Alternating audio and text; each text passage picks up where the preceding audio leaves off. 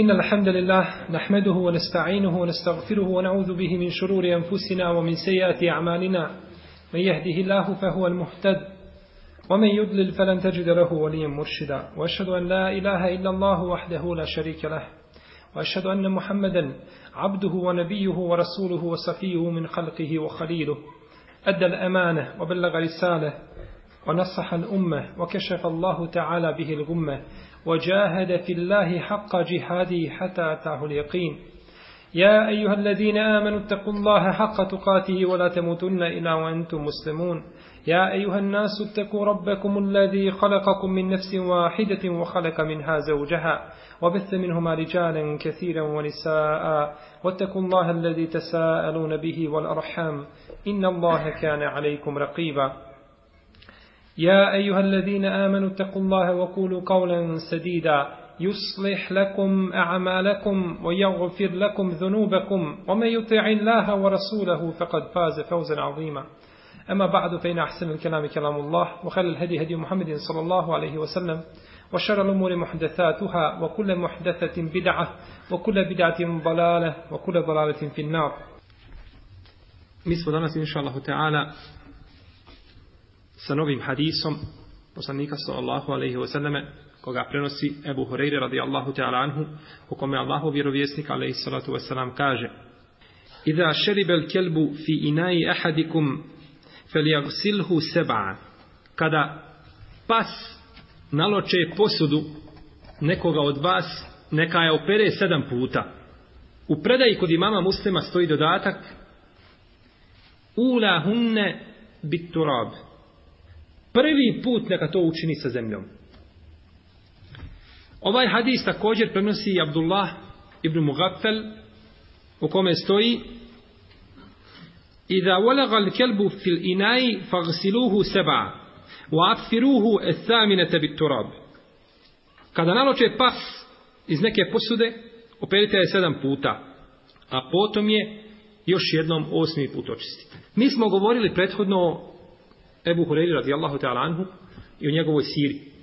I ovaj hadis, osnova njegova jeste da je rivajet Ebu Hureyre i njega prenose Buharija i Muslim u toj verziji. A od Abdullaha ibn Mugafela prenosi ga samo imam Muslim. Abdullah ibn Mugafel ili ibnul Mugafel sa el i bez el, bez određenog i sa određenim članom. Dozvoljeno jedno i drugo. Ebu Zijad, a kaže se da je Ebu Sa'id. Neki kažu da je Ebu Abdurrahman, znači ima razilaženja oko njegovog, oko njegovog imena. On je jedan od onih koji su dali prisegu pod drvetom na Hudejbiji, tako kad je bila razvetul Hudejbije, koja se desila u mjesecu Zil Qiyadetu, šestoj hiđarskoj godini. Od njega prenose brojni tabini poput Hasan al-Basrija, poput Saida ibn, ibn Džubeira, iako je Budavud radi Allahu ta'ala anhu prigovara ovoj verziji pa kaže da nije Sa'id ibn Džubeir da nije čuo Abdullaha ibn Mugafela od njega također prenosi i Mutarrik ibn Šihir, poznati Tabin i drugi. Kaže Hasan al Basri on je bio jedan od desetorice koje je poslao Omer radijallahu ta'ala anhu u Basru da nas pouče vjeru jedan od deset ashaba koji su poslani znači u Basru da poučavaju ljude vjeri. Pa je živio prvo u Medini, potom u Basri. Njegov otac je također ashab. Njegov otac je ashab. Kaže Ebu Omer. Ko je Ebu Omer? Ko zna? A se kaže u fikhu, kaže Ebu Omer. Ko je Ebu Omer? Ebu Omer je Ibnu Abdilber, poznati malikijski učenjak. Kad kažemo Ebu Omer, mislimo na Ibnu Abdilber. Ber. Kaže da je njegov otac umro kada su ashabi išli da oslobode Meku. Na putu da je umro. Pa je znači i otac i sin, oba dvojica su ashabi. Spominje imam Zehebi u sijeru Alaminu Bela da je Abdullah ibn Mugafel usnio jedan san. Pa je vidio u snu da je nastupio sudnji dan. I vidio je kako ljudi izlaze prema mahšaru. I vidio je jedno mjesto Ko uspije doći do tog mjesta, spasio se. A ko ne uspije, propao je. Pa je pokušao da krene prema tom mjestu da se spasi. Pa mu je rekao, neko, kaže, pokušavaš se spasiti, a ti imaš ono što imaš, to jeste nisi ti dostigao stepen da se spasiš. Pa ga je to prepalo. Pa je ustao i probudio svoju porodicu i uzeo sve što je imao u svojoj kući od imetka i podijelio ga na Allahom dželešenuhu putu. Znači ne bili se spasio. Pogledajmo kako su ashabi bojali se za sebe i nisu bili sigurni od Allahove tabarake wa ta'ala kazne. On prenosi od poslanika sallallahu alaihi wa sallame 43 hadisa. Četiri bilježe Buharija i Muslim zajedno. Jedan bilježi Buharija koji ne bilježi Muslim, a drugi bilježi Muslim koga ne bilježi Buharija. Znači 43 hadisa ima ukupno koja prenosi od poslanika sallallahu alaihi wa sallame. Neki su ispravni, neki su neispravni. Znači to je samo broj. Umro je, kaže se 56 kaže se 59. kaže se 60. kaže se 61. hijđarske godine. Ne zna se, znači, pouzdano tačno kada je umro Abdullah ibn Mugaffel. Ovdje možemo spomenuti jednu stvar, a to je da kada se desi da imamo ashaba sina i ashaba oca, onda kad spomenemo sina, kažemo radijallahu anhuma, u dvojini. Da je Allah zadovoljan sa njima dvojicom. Radi Allahu anhuma. Pa nećemo reći radi Allahu anhu, nego radi Allahu anhuma. Nek je zadovoljan Allah te barak je sa njima dvojicom. Kao što kažemo za Abdullaha ibn Omara, na primjer. Radi Allahu anhuma. Abdullah ibn Omar. Ili ibn Omar radi Allahu anhuma. Kažemo ibn Abbas radi Allahu anhuma. I kažemo ibn Mugaffel, Abdullah ibn Mugaffel radi Allahu anhuma. I kažemo ko još? Džabir ibn Abdillah radijallahu anhuma i tako, znači kada imamo dva ashaba, oca i sina, a ashabi onda kažemo radijallahu anhuma. Ali to isto nećemo kazati, na primjer, za Aliju ibn Abi Taliba. Pa ne možemo reći Alija ibn Abi Talib radijallahu anhuma, to je zabranjeno.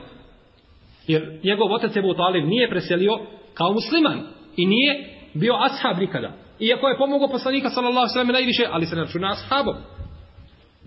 Niti ćemo kazati za Abdullaha ibn Abdullaha ibn Ubeja ibn Selura radi Allahu anhuma.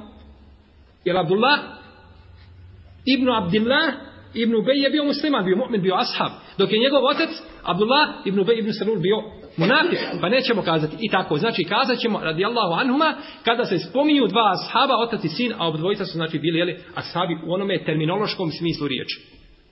Ko zna šta je ashab? Kako definisati ashab? To je dio definicije. Abdullah ibn Ubej ibn Sanur je vidio poslanika sallam pa nije ashab. I Ebu Talib ga je vidio pa nije ashab. I pomogao ga pa nije ashab.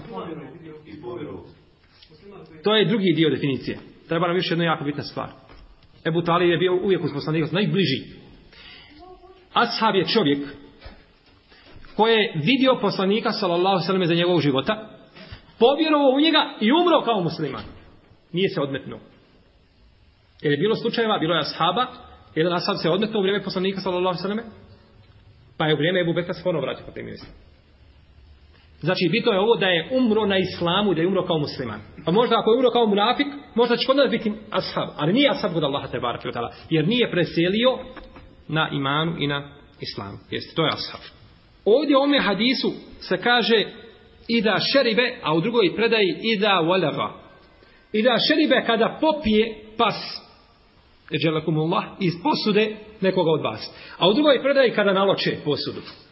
Kaže autor dijela Al-Matalija, koji se zove Ibnu Kurkul, kaže da je piće piti općenitije i opširnijeg značenja nego na lokati, nego lokati. Pa je svako piće lokanje, a svako lokanje nije piće.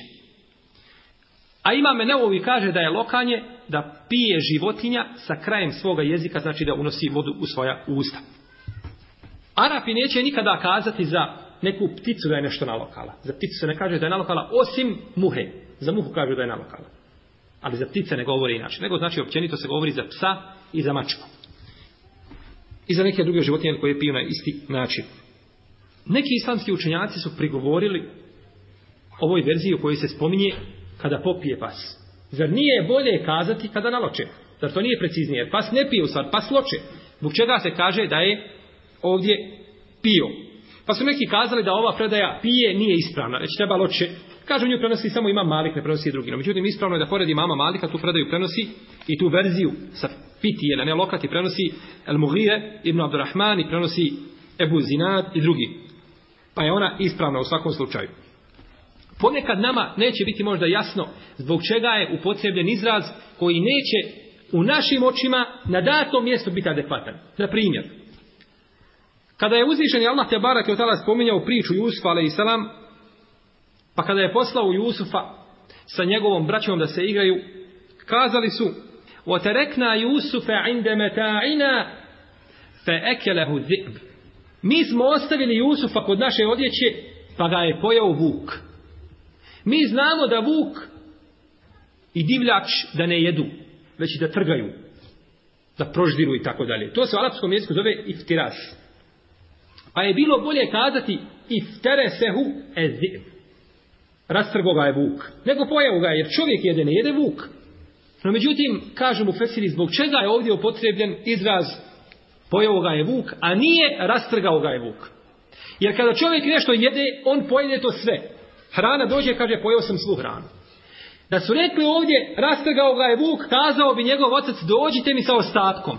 Šta je to ostalo od njega? Lobanja, kosti, nije vuk se mogao pojesti. Nešto je ostalo. Donesite mjesto. Nešto. Ali kada su kazali, pojeo ga je vuk, znači nestalo je ništa, ne traži od njega ništa. Pa samo donijeli košulju. Sa lažnom krvlju.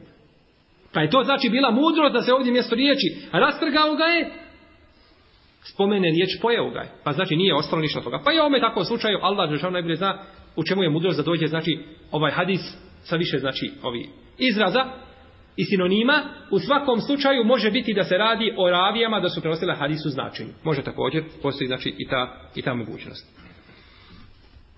Ovdje poslanik, sallallahu alaihi wasallam, naređuje da se očisti posuda iz koje je nalokao pas. Što ukazuje da je ta voda nečista.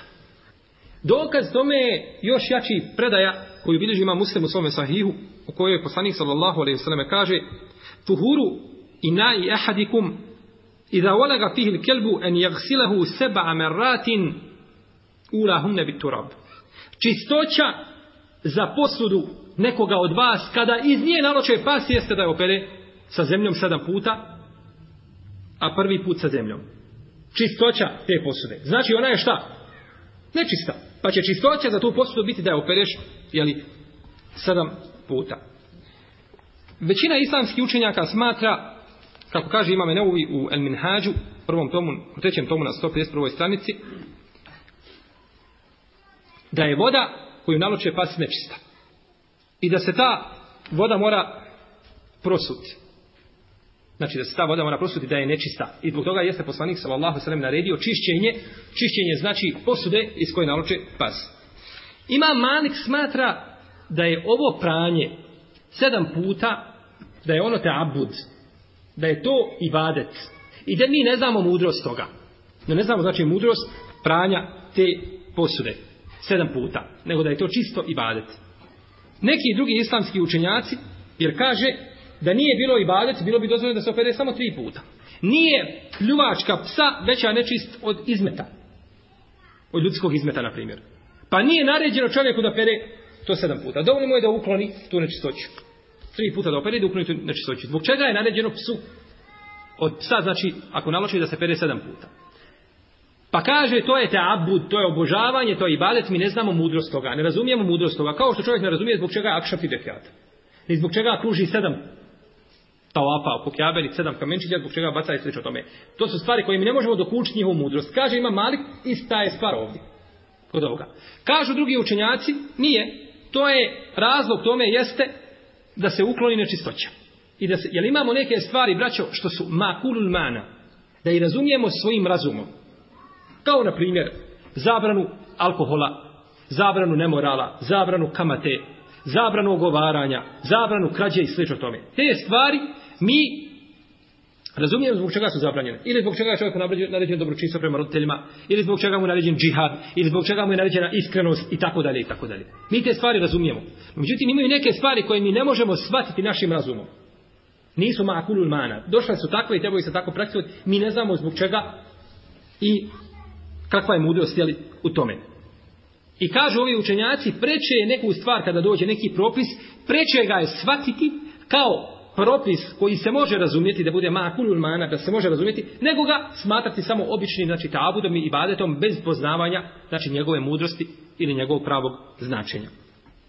Ako mi vidimo da u ome hadisu se spominje da treba oprati posudu iz koje je nalokao pas, onda je to dokaz da je pas nečist. Da je pljuvačka psa nečista. I neki islamski učenjaci spominju da je to mezheb džumhura.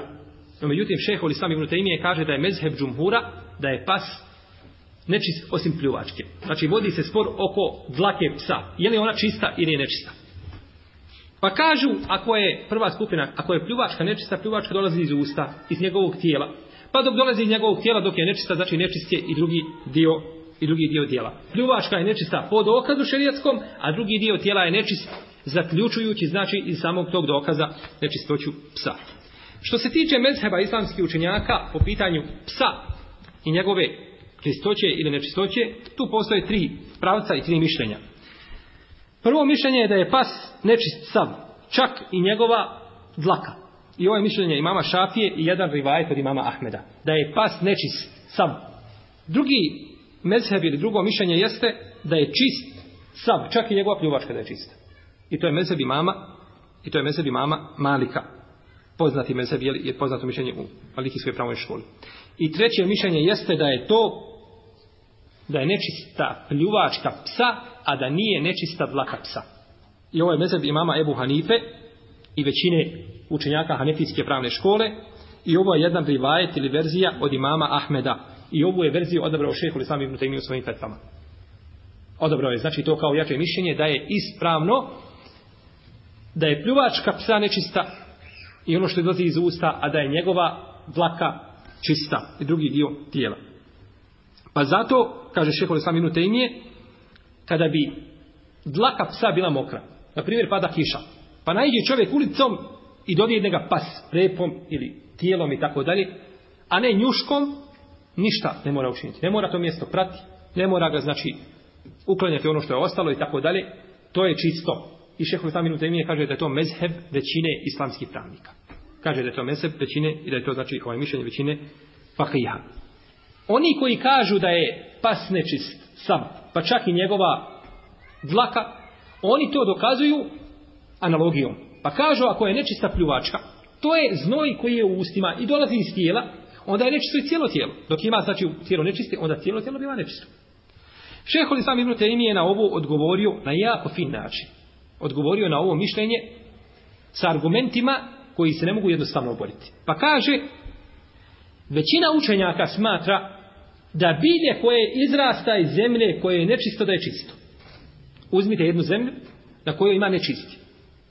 Pa bilje izrasta iz te zemlje, je li bilje to koje izrasta nečisto? Kada bismo kazali da je tijelo psa unutra njegova njegovo meso i unutra njegova da je nečisto, I dlaka je izrasla na polje. Nas toliko ne zanima da li je meso psa čisto ili nečisto. Nas zanima više dlaka. Jer to je ono čime čovjek ima dodir. Da je izrasla ta dlaka iz nečisti. Jer mora znači da je ta dlaka odmah nečista. Kao biljka koja je izrasla iz zemlje u kojoj je bilo nečisti. Pa ako je biljka koja je izrasla iz zemlje u kojoj je bilo nečisti čista, onda je preče da dlaka bude čista. Zbog čega? Ko zna? Zato što je biljka mokra, vlažna, ima blage u sebi. Kad bi dotakao biljku koja je izrasla iz zemlje, ona je vlažna. Ima u sebi blage. Kad bi stisnuo, ti bi mogao okvasiti ruku sa njom. Pa to neće, to neće isprljati svoju ruku. Kako će onda isprljati nešto što je suho? Jer suho kada dotakne čovjeka, a nečisto, nečisto kada dotakne čisto, a jedno i drugo je suho, neće se ovo nečistiti ovo čisto. Bitno je da je suho. Pa ovdje kaže ako je znači ta biljka koja je izrasla iz zemlje, koja je nečista, ako je čista, onda je pečena dlaka bude čista. Dobro, ako se poklesi, također kažemo isti je propis, neće znači biti nečista, jer nema za to validnih argumenata i ne može se činiti analogija na osnovu pljuvačke. I drugi način na koji odgovorio šeho sam minute imije jeste da je uzvišeni Allah te barak je otala u našem šarijetu dozvolio da čovjek sebi uzme psa za lov, psa za žitarice i psa za stopu. Vidite ovo. Vidite kako je mudro šehol i sam im temir govorio na ovo. Kaže čovjek koji ima psa za stoku i za lov naročito, a i za žitarice, on će biti u mnogo puta prisiljen da ga ta njegov pas dotakne.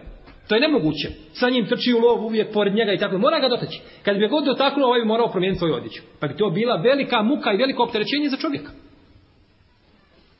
Jel tako? Kao što čovjek ima, na primjer, magare ili konja sa sobom vodi za, za, za ovcama i tako dalje, jel ga mora dotaći njegovu kožu i njegove dlake? Mora. I svakog dana može desetine puta. E tako isto sa psom, tako se dešava. I biva blizu njega, onda bi njemu bilo veliko opterećenje tome čovjeku. Pa je to još jedan od argumenta, sporednih znači argumenta da e, dlaka psa nije nečista i uzvišen i Allah te barek utala nije napravio znači nikakvu poteškoću nama u našoj vjeri.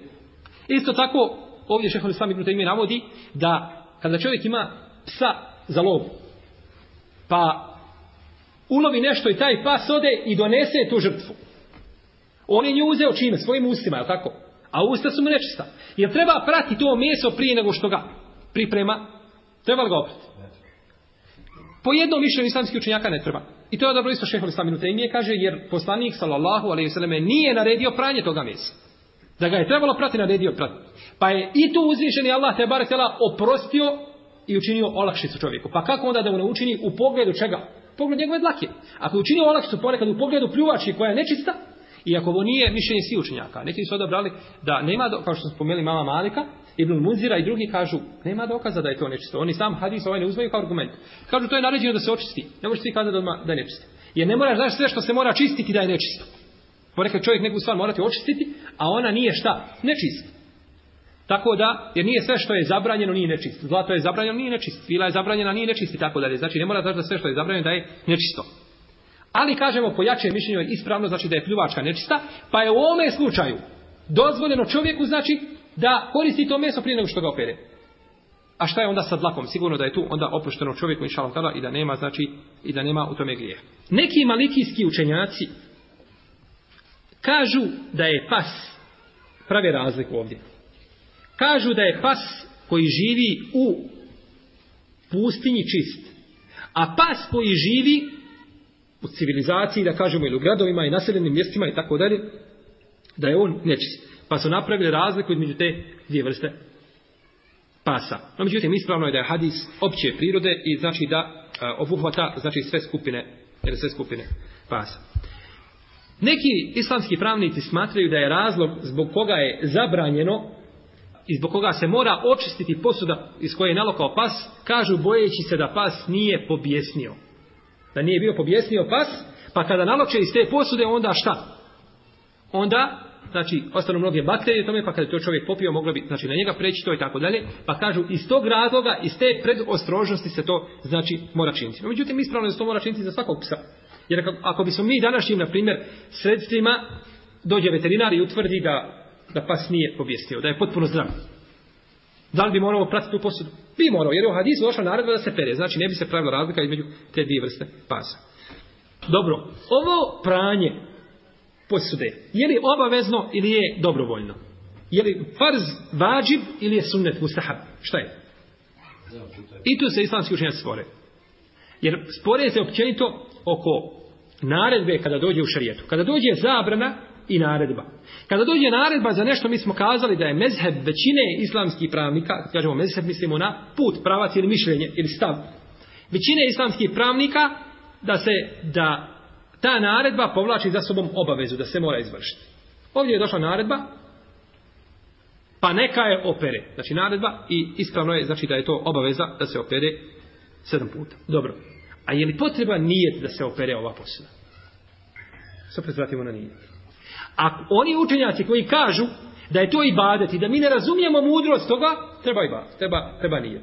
A učenjaci koji kažu da je to šta? Samo da se uklone čistoća i da mi razumijemo ovaj mudrost toga, oni kažu ne mora, može znači uobziriti se bez samog nijeta. Znači to su dva stava islamskih učenjaka. Dobro, da li se mora paziti na broj koga sam spominjao. Da li se mora prati na broj 7 ili je dovoljno oprati bilo koliki broj puta. Islamski učenjaci po tome imaju različita mišljenja. Većina pravnika smatra da se mora oprati sedam puta. Većina pravnika i ovaj stav zastupaju Ebu Hureyre, Ibnu Abbas, Ureto Ibnu Zubeir, Tauz, Amar Ibnu Dinar, Imam Malik, Rauzaj, Šafija, Imam Ahmed, Ishak, Ebu Ubed, Ebu Seur i brojni drugi. Znači zastupaju, i to je mišljenje izrazite većine pravnika, da se mora oprati, da se ta posuda mora oprati koliko? Sedam puta. Imamo i druga mišljenja u kojima se kaže da treba oprati samo tri puta. Da treba oprati samo tri puta, a neki učinjaci kažu dovoljno je da se opere kao i bilo koja druga nečistoća. Znači samo da se ukloni, da se opere, znači da se smata da je oprano i dovoljno je to ono. Međutim, ispravno je na osnovu hadisa, to treba sedam puta. Jer kako bi onda značenje hadisa bilo? E ovdje, braćom, imamo ponekad razilaženja koja dođu U fikhu inače naći ćete ponekad po 5, 6, 7, 10 mišljenja. Odmah možete tih, pola tih mišljenja možete prekrižiti i smaknuti. Jednostavno. Nema nikakvog argumenta. Ovdje hadis kaže neka je opere 7 puta. I onda dođe učenjak kaže može 3 puta. Ili može 2 puta, ili može 1 puta, ili može kao i druge nešto i tako da. To se mišljenje lahko obori.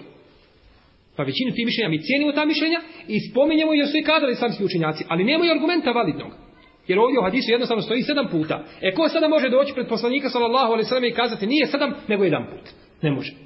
U dosta slučajeva su se poveli učenjaci za slabim hadisima, pa su znači koristili ovaj, kao dokaze i kao argumente slabe hadise. Ovdje jedan od tih slučajeva jeste hadis koga bilježi imam Dare Kutni u svome sunenu, u kome se navodi od Ebu Horeire da je poslanik sallallahu alaihi sallam rekao, kada naoče pas iz posude nekoga od vas, neka je opere sedam puta, ili pet puta, ili tri puta. Pa su neki islamski učenjaci prihvatili ovaj hadis. Kažu, vidi se kaže ili sedam, ili pet, ili tri. Znači, može tri puta mogu proći. Bito je da se opere. No, mi, mi kažemo, jeste. Bilo bi tako da je taj hadis ispravan. Ali u tom hadisu i tom lancu, znači, prenoslata tog hadisa, ima Abdul Wahab ibn Ismail, koji je metruk, čiji su hadisi potpuno ništavni, ne smiju se prihvatiti nikako. I kaže imame Behek ili ovaj hadis daif, i kaže imame Neuvi da je daif, i neki učinjaci kažu da je daif po konsensusu pravnika. I jeste, zaista je tako. Jer je ravija koji je metruk, potpuno ništavni njegovi hadisi, ta je predaja bliža lažnoj predaji nego ispravnoj. Pa tako se ne može znači prihvatiti. Pa oni učinjaci koji su uzeli E, sebi kao argument, ovaj hadis kažemo, hadis nije ispravan, već se je obavezno vrati hadis, hadisima koje bliže Buharija i Muslim, u kojima se svugdje spominje sedam ili eventualno osam puta, o čemu ćemo inša Allah ili posebno govoriti. Neki pravnici isto kažu, prenosi se da je Ebu Hureyre pravo posudu tri puta. A Ebu Hureyre prenosi ovaj hadis. A prenosi od hadisa najbolje razumije šta? hadis. Da pa tako, neko i prenosi hadis koji je čuo hadis, on najbolje razumije mudrost i najbolje razumije smisao i značenje toga hadisa. Bilo da je preupitao poslanika sallallahu sallame ili da je čuo iz riječi i neki sporedni argumenta šta se htjelo time kazati. Pa kažu, on je to pravo tri puta. No međutim, učenjaci u sunu fikha na ovo odgovaraju pa kažu pouka je onome što ne, jedan ravija prenese, a nije onome što radi. Pa, na primjer, jedan ashab prenio nešto od poslanika, sallallahu alaihi sallam, a radio suprotno tome. Na zanima šta? Ono što je prenio, ne ono što je radio. Na zanima ono što je prenio, ne ono što je radio. Ne samo to, ova predaja koja se navodi da je Buhurere pravo tri puta je slaba, kako kaže imam Neuvi i drugi. I s druge strane, Prenosi se od Ebu Horeire da je naređivao da se 57 puta, kako bilježi imam Eddar Kutni u svome sunenu. I kaže da je ova predaja vjerodostoja. Pa znači nije potvrđeno da Ebu Horeire da je to činio, već je potvrđeno da je naređivao da se to čini 7 puta i Ibret je u svakom slučaju onome što je on prenio, a nije onome što je činio. Da li je dozvoljeno čovjeku da opere tu istu posudu iz koje je nalokao pas istom tom vodom koja je u toj posudi? Znači da istom vodom opere. Najbolje ćemo na to odgovoriti hadisom. Jer gdje god ima hadis i gdje god ima dokaz da odgovorimo, poslučimo s argumentom. Kako kaže imam Sufjane Ceuri, ako budeš mogao da se suzržiš i da ne počešeš svoju glavu osim dokazom, učini tako. Či znači, za sve što učiniš, pokušaj naći dokaz, bilo u Kur'anu, bilo u Sunnetu, bilo u riječima ashaba. Čak možeš da počeš da počešeš svoju glavu, vidi ima negdje nekakav dokaz da da ga koristiš tu. Znači u svemu da pratiš dokaz i da što manje čovjek svoje mišljenje koristi ako ima šerijetski argument koji ga vodi znači ka istini. Jer čovjek svojim razumom gleda, a razum je ograničen, razum je krnjav, pa lahko može pogriješiti. Ovdje ćemo se poslušati hadisom koga bilježi ima muslim u svome sahihu u kome je poslanik sallallahu alaihi wasallam naredio da se ta voda prospe i da se nakon toga posuda 57 puta. Da se voda prospe. Bila ona čista ili nečista nas to ne zanima ovdje sada u ovom slučaju, nego na, zanima nas da moramo prosuti tu vodu, pa da moramo znači nakon toga oprati posudu sedam puta. Kaže Ibn Mende da je ovaj dodatak da se prostaje voda čudan. Kaže, ne prenosi ga puno prenosioca, prenosi ga samo Ali Ibn Mesar i nisu ga drugi prenijeli. Samo ga on prenosi. No, međutim, ispravno je da je Ali Ibn Mesar, da je to jedan hafil i čovjek koji je bio pouzdan, ravija, koji imao dobro pamćenje, hafil hadisa, i da se njegova predaja znači mora prihvatiti. Zbog toga Dare Kutni kada je spomenuo ovu predaju kazao je da nije lanac prenoslaca isprava, dobar i da su sve ravije i da su sve ravije pouzdane. Neki islamski učenjaci kažu ako naloče hranu pas da se ta hrana neće prosipati. Naravno ako se hrana može iskoristiti. Na primjer da se radi o nečemu što se može dobiti, kao na primjer maslo, kada je došao maslo koje je u čvrstom stanju, pa pas dodirom svojim jezikom, izvadit će se ono kao miš da upane, na primjer, u tako nešto u hranu koja se može znači odvojiti, izvaditi to što se pokvarilo, ostavit će se, neće se prosipati zato što je hrana, ima svoju vrijednost i do hrane se puno teže dođe, znači nego do same, nego do same vode. Ovdje imamo jedno pitanje, a to je ako se ponovi lokanje više puta, dođe jedan pas, naloče vodu, pa se vrati pa naloče, pa se vrati pa naloče, da li treba za svaki put oprati po sedam puta, Ili dovoljno jedan put sedam puta. Ili ili dođe jedan pas pa naloče pa ode, pa dođe drugi pa naloče, pa dođe treći pa se izmenja više pasa. Kakav je propis? Vidiš, na primjer, vidiš ti, vidi neko sa prozora, komšija vidio koliko je pasa, 4, 5 došlo, izmijenjalo se na tvoje posud koja je bilo napolje lokalizije. Komšija vidio i kaže tebi, 5 nije došlo. Ispravno je ono što ja vidim da ste vi odmah ovaj, odlučili i da nemamo mjesta da kažemo suprotno tome, a to je da se opere jedan put. Jer kada se dođe u jednom pitanju, da se ujedine razlozi sebevi, sjedine se sa svih strana i sa svih aspekata, onda ti svi sebevi bivaju kao jedan sebe. Pa je znači dovoljno čovjeku, dovoljno čovjeku da opere, da opere znači To samo jedan put. Iako jedan dio učenjaka kaže, ako dođe više pasa, e onda mora za svako koji je nalopao, mora oprati po sedam puta. Da li može, ovdje se u hadisu navodi, da se treba oprati ta posuda sa zemljom. Da li može šampon ili sapun ili deterđent za pranje ili nešto drugo doći na mjesto zemlje? Može naravno, tako? Hajde. Pazite, islamski učenjaci po ovome pitanju opet imaju više mišljenja. Imaju četiri mišljenja. Jedni kažu može. Drugi kažu ne može. Treći kažu može kada nema zemlje. Našao si se na mjesto gdje ne možeš do zemlje i moraš oprati tu posudu. Onda kažu može. A ako ima zemlje ne može.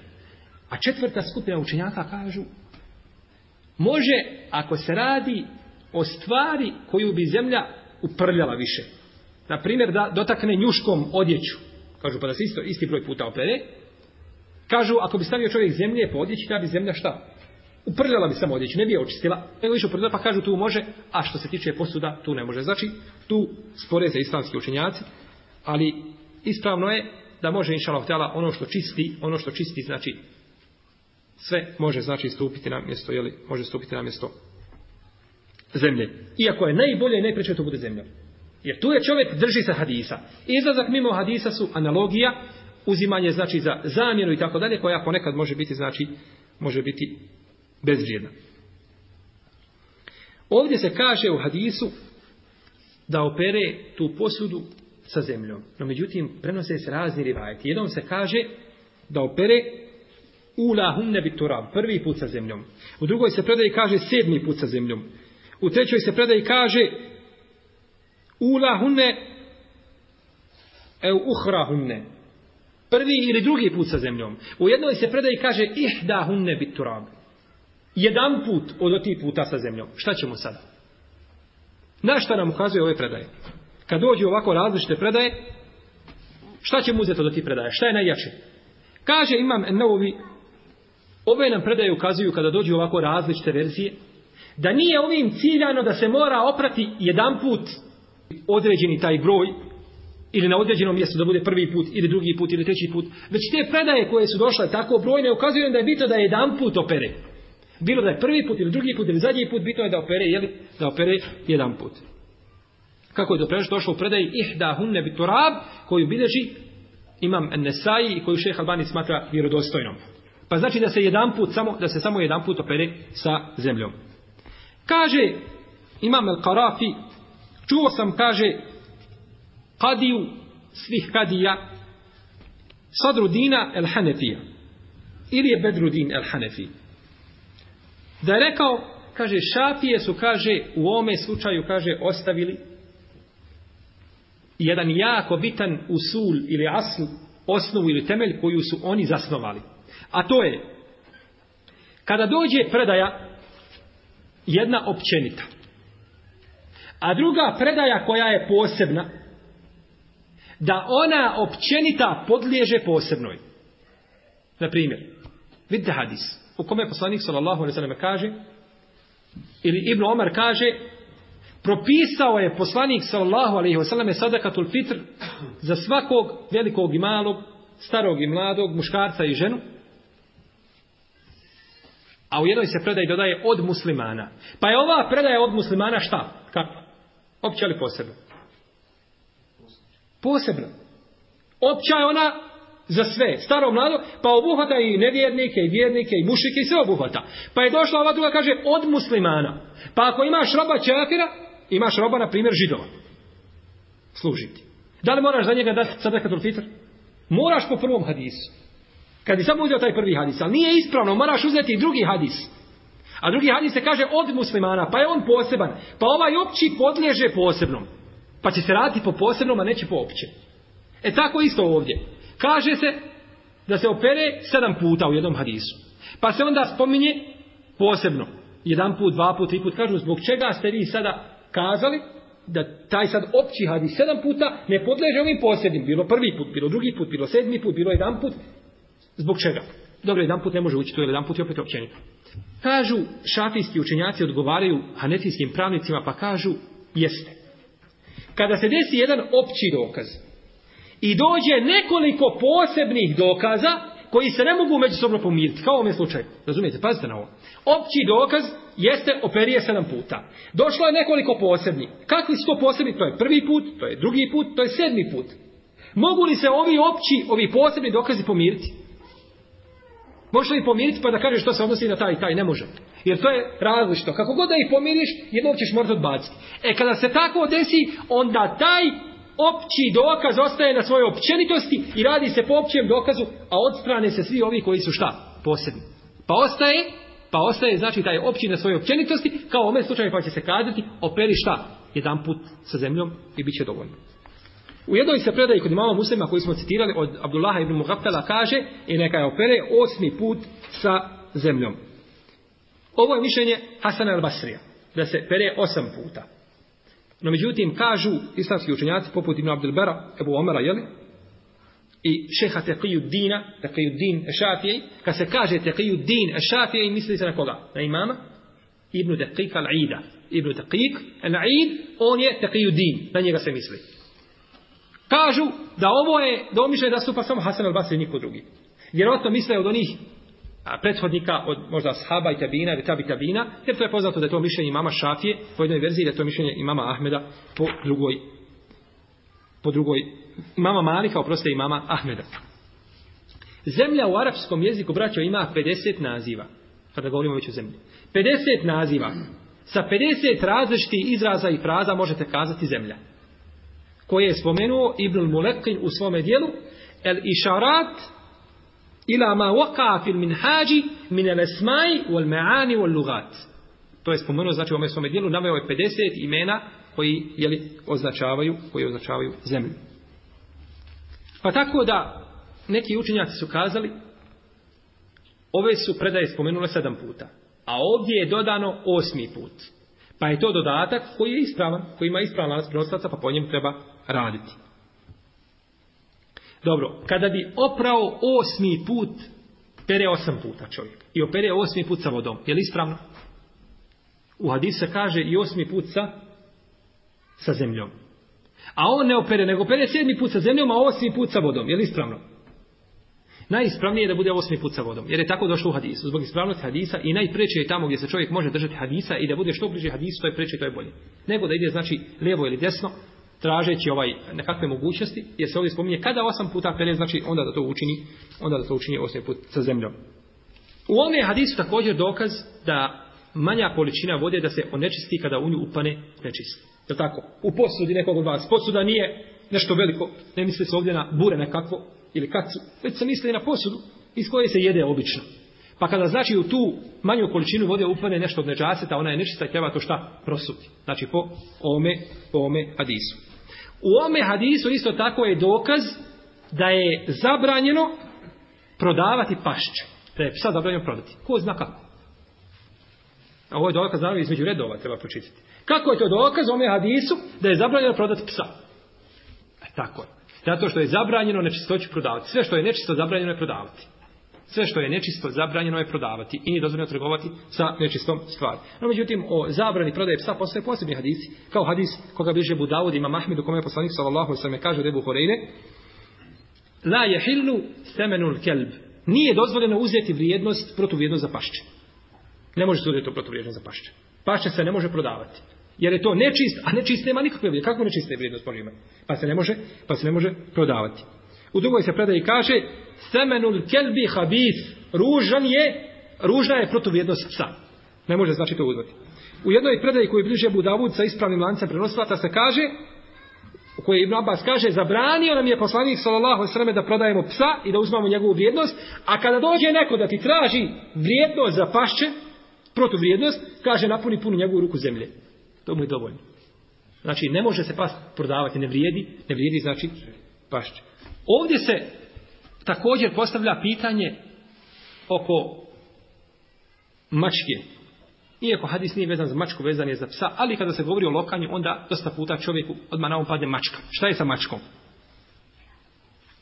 U jednoj se predaj navodi da se opere posljeda nakon što mačka naločeno, međutim, ta je predaja meukuf, znači od riječ, riječi ashaba, a nije od poslanika sallallahu alaihi sallam, i neće čovjek, znači, prati, neće prati iza mačke. Većina islamskih učenjaka zastupa da je voda koju naloče mačka da je čista. Islamski učenjaci su složni, braćo, da kada naloče nešto životinja, čije se meso može jesti, da je to čisto. Ali se ovdje spore oko životinja, čije se meso ne može jesti, a naročito se spor vodi oko mačke. Tako je Abdullah ibn Omer je mrzio, znači da se koristi sur, to se zove sur, ili to je onaj ostatak koje, koga namoče ili maška, da se to koristi za bilo kakve potrebe. No, međutim, većina islamskih pravnika, kako što smo kazali, smatra da je to dozvoljeno i da nema smetnje koristiti ono što mačka naloče. I na to ukazuju, znači, brojne predaje iz suneta poslanika, sallallahu sallame, između toga jeste i hadis, koga bilježi imam šafi u svome lum i u musnedu i bilježi ga imam muzir i drugi I hadis je vjerodostojan u kome je poslanik sallallahu alejhi ve selleme u kome stoji u stvari da je Kepšetu bintu Kjab ibn Malik bila žena ibn Ebi Katade. Pa je došao Ebu Katade. Došao je kod nje, pa mu je polijevala da uzme abdes. Pa je došla mačka u tu posudu i počela da loče. Pa je on nagnuo tu posudu dok ona nije na lokalu. Kada je nalokala, on je neko nastavio dalje. Pa je nastavio dalje, pa se je abdestio. Pa je gledala u njega začuđeno. Kaže, šta je, kaže, šta gledaš? Vidim te, kaže, da čudno gledaš. Zar se čudiš? Kaže, čudim se. Kaže, poslanik sallallahu alaihi sallam je rekao, mačka nije nečista. Mačka je ona životinja koja kruži, koja kola, koja živi sa vam. Pa je to jedan od argumenta sigurno jaki, znači da mačka nije nečista i da ono što mačka naloče, da ne smeta i da se to ne smatra i da se to ne smatra nečišću, jel? U ome hadisu, koji je svakako kratak po svome sadržaju, vidimo brojne koristi za muslimana, bilo da dolazi u kontakt sa psima kada prolazi putem, bilo da ima on psa iz onih dozvoljenih razloga i tako dalje, kriju se znači u njemu brojni propisi, šerijatski propisi koji su vezani za čovjeka. Jer braćo, obaveza je čovjeku da nauči šta je čistoća, a šta je nečistoća, šta je čisto, a šta je nečisto. Šta je prljavo, a šta je nečisto, pa da to razlikuje. Jer ponekad čovjek može klanjati na primjer i obavljati namaz ili neke ibadete u odjeći koja je nečista.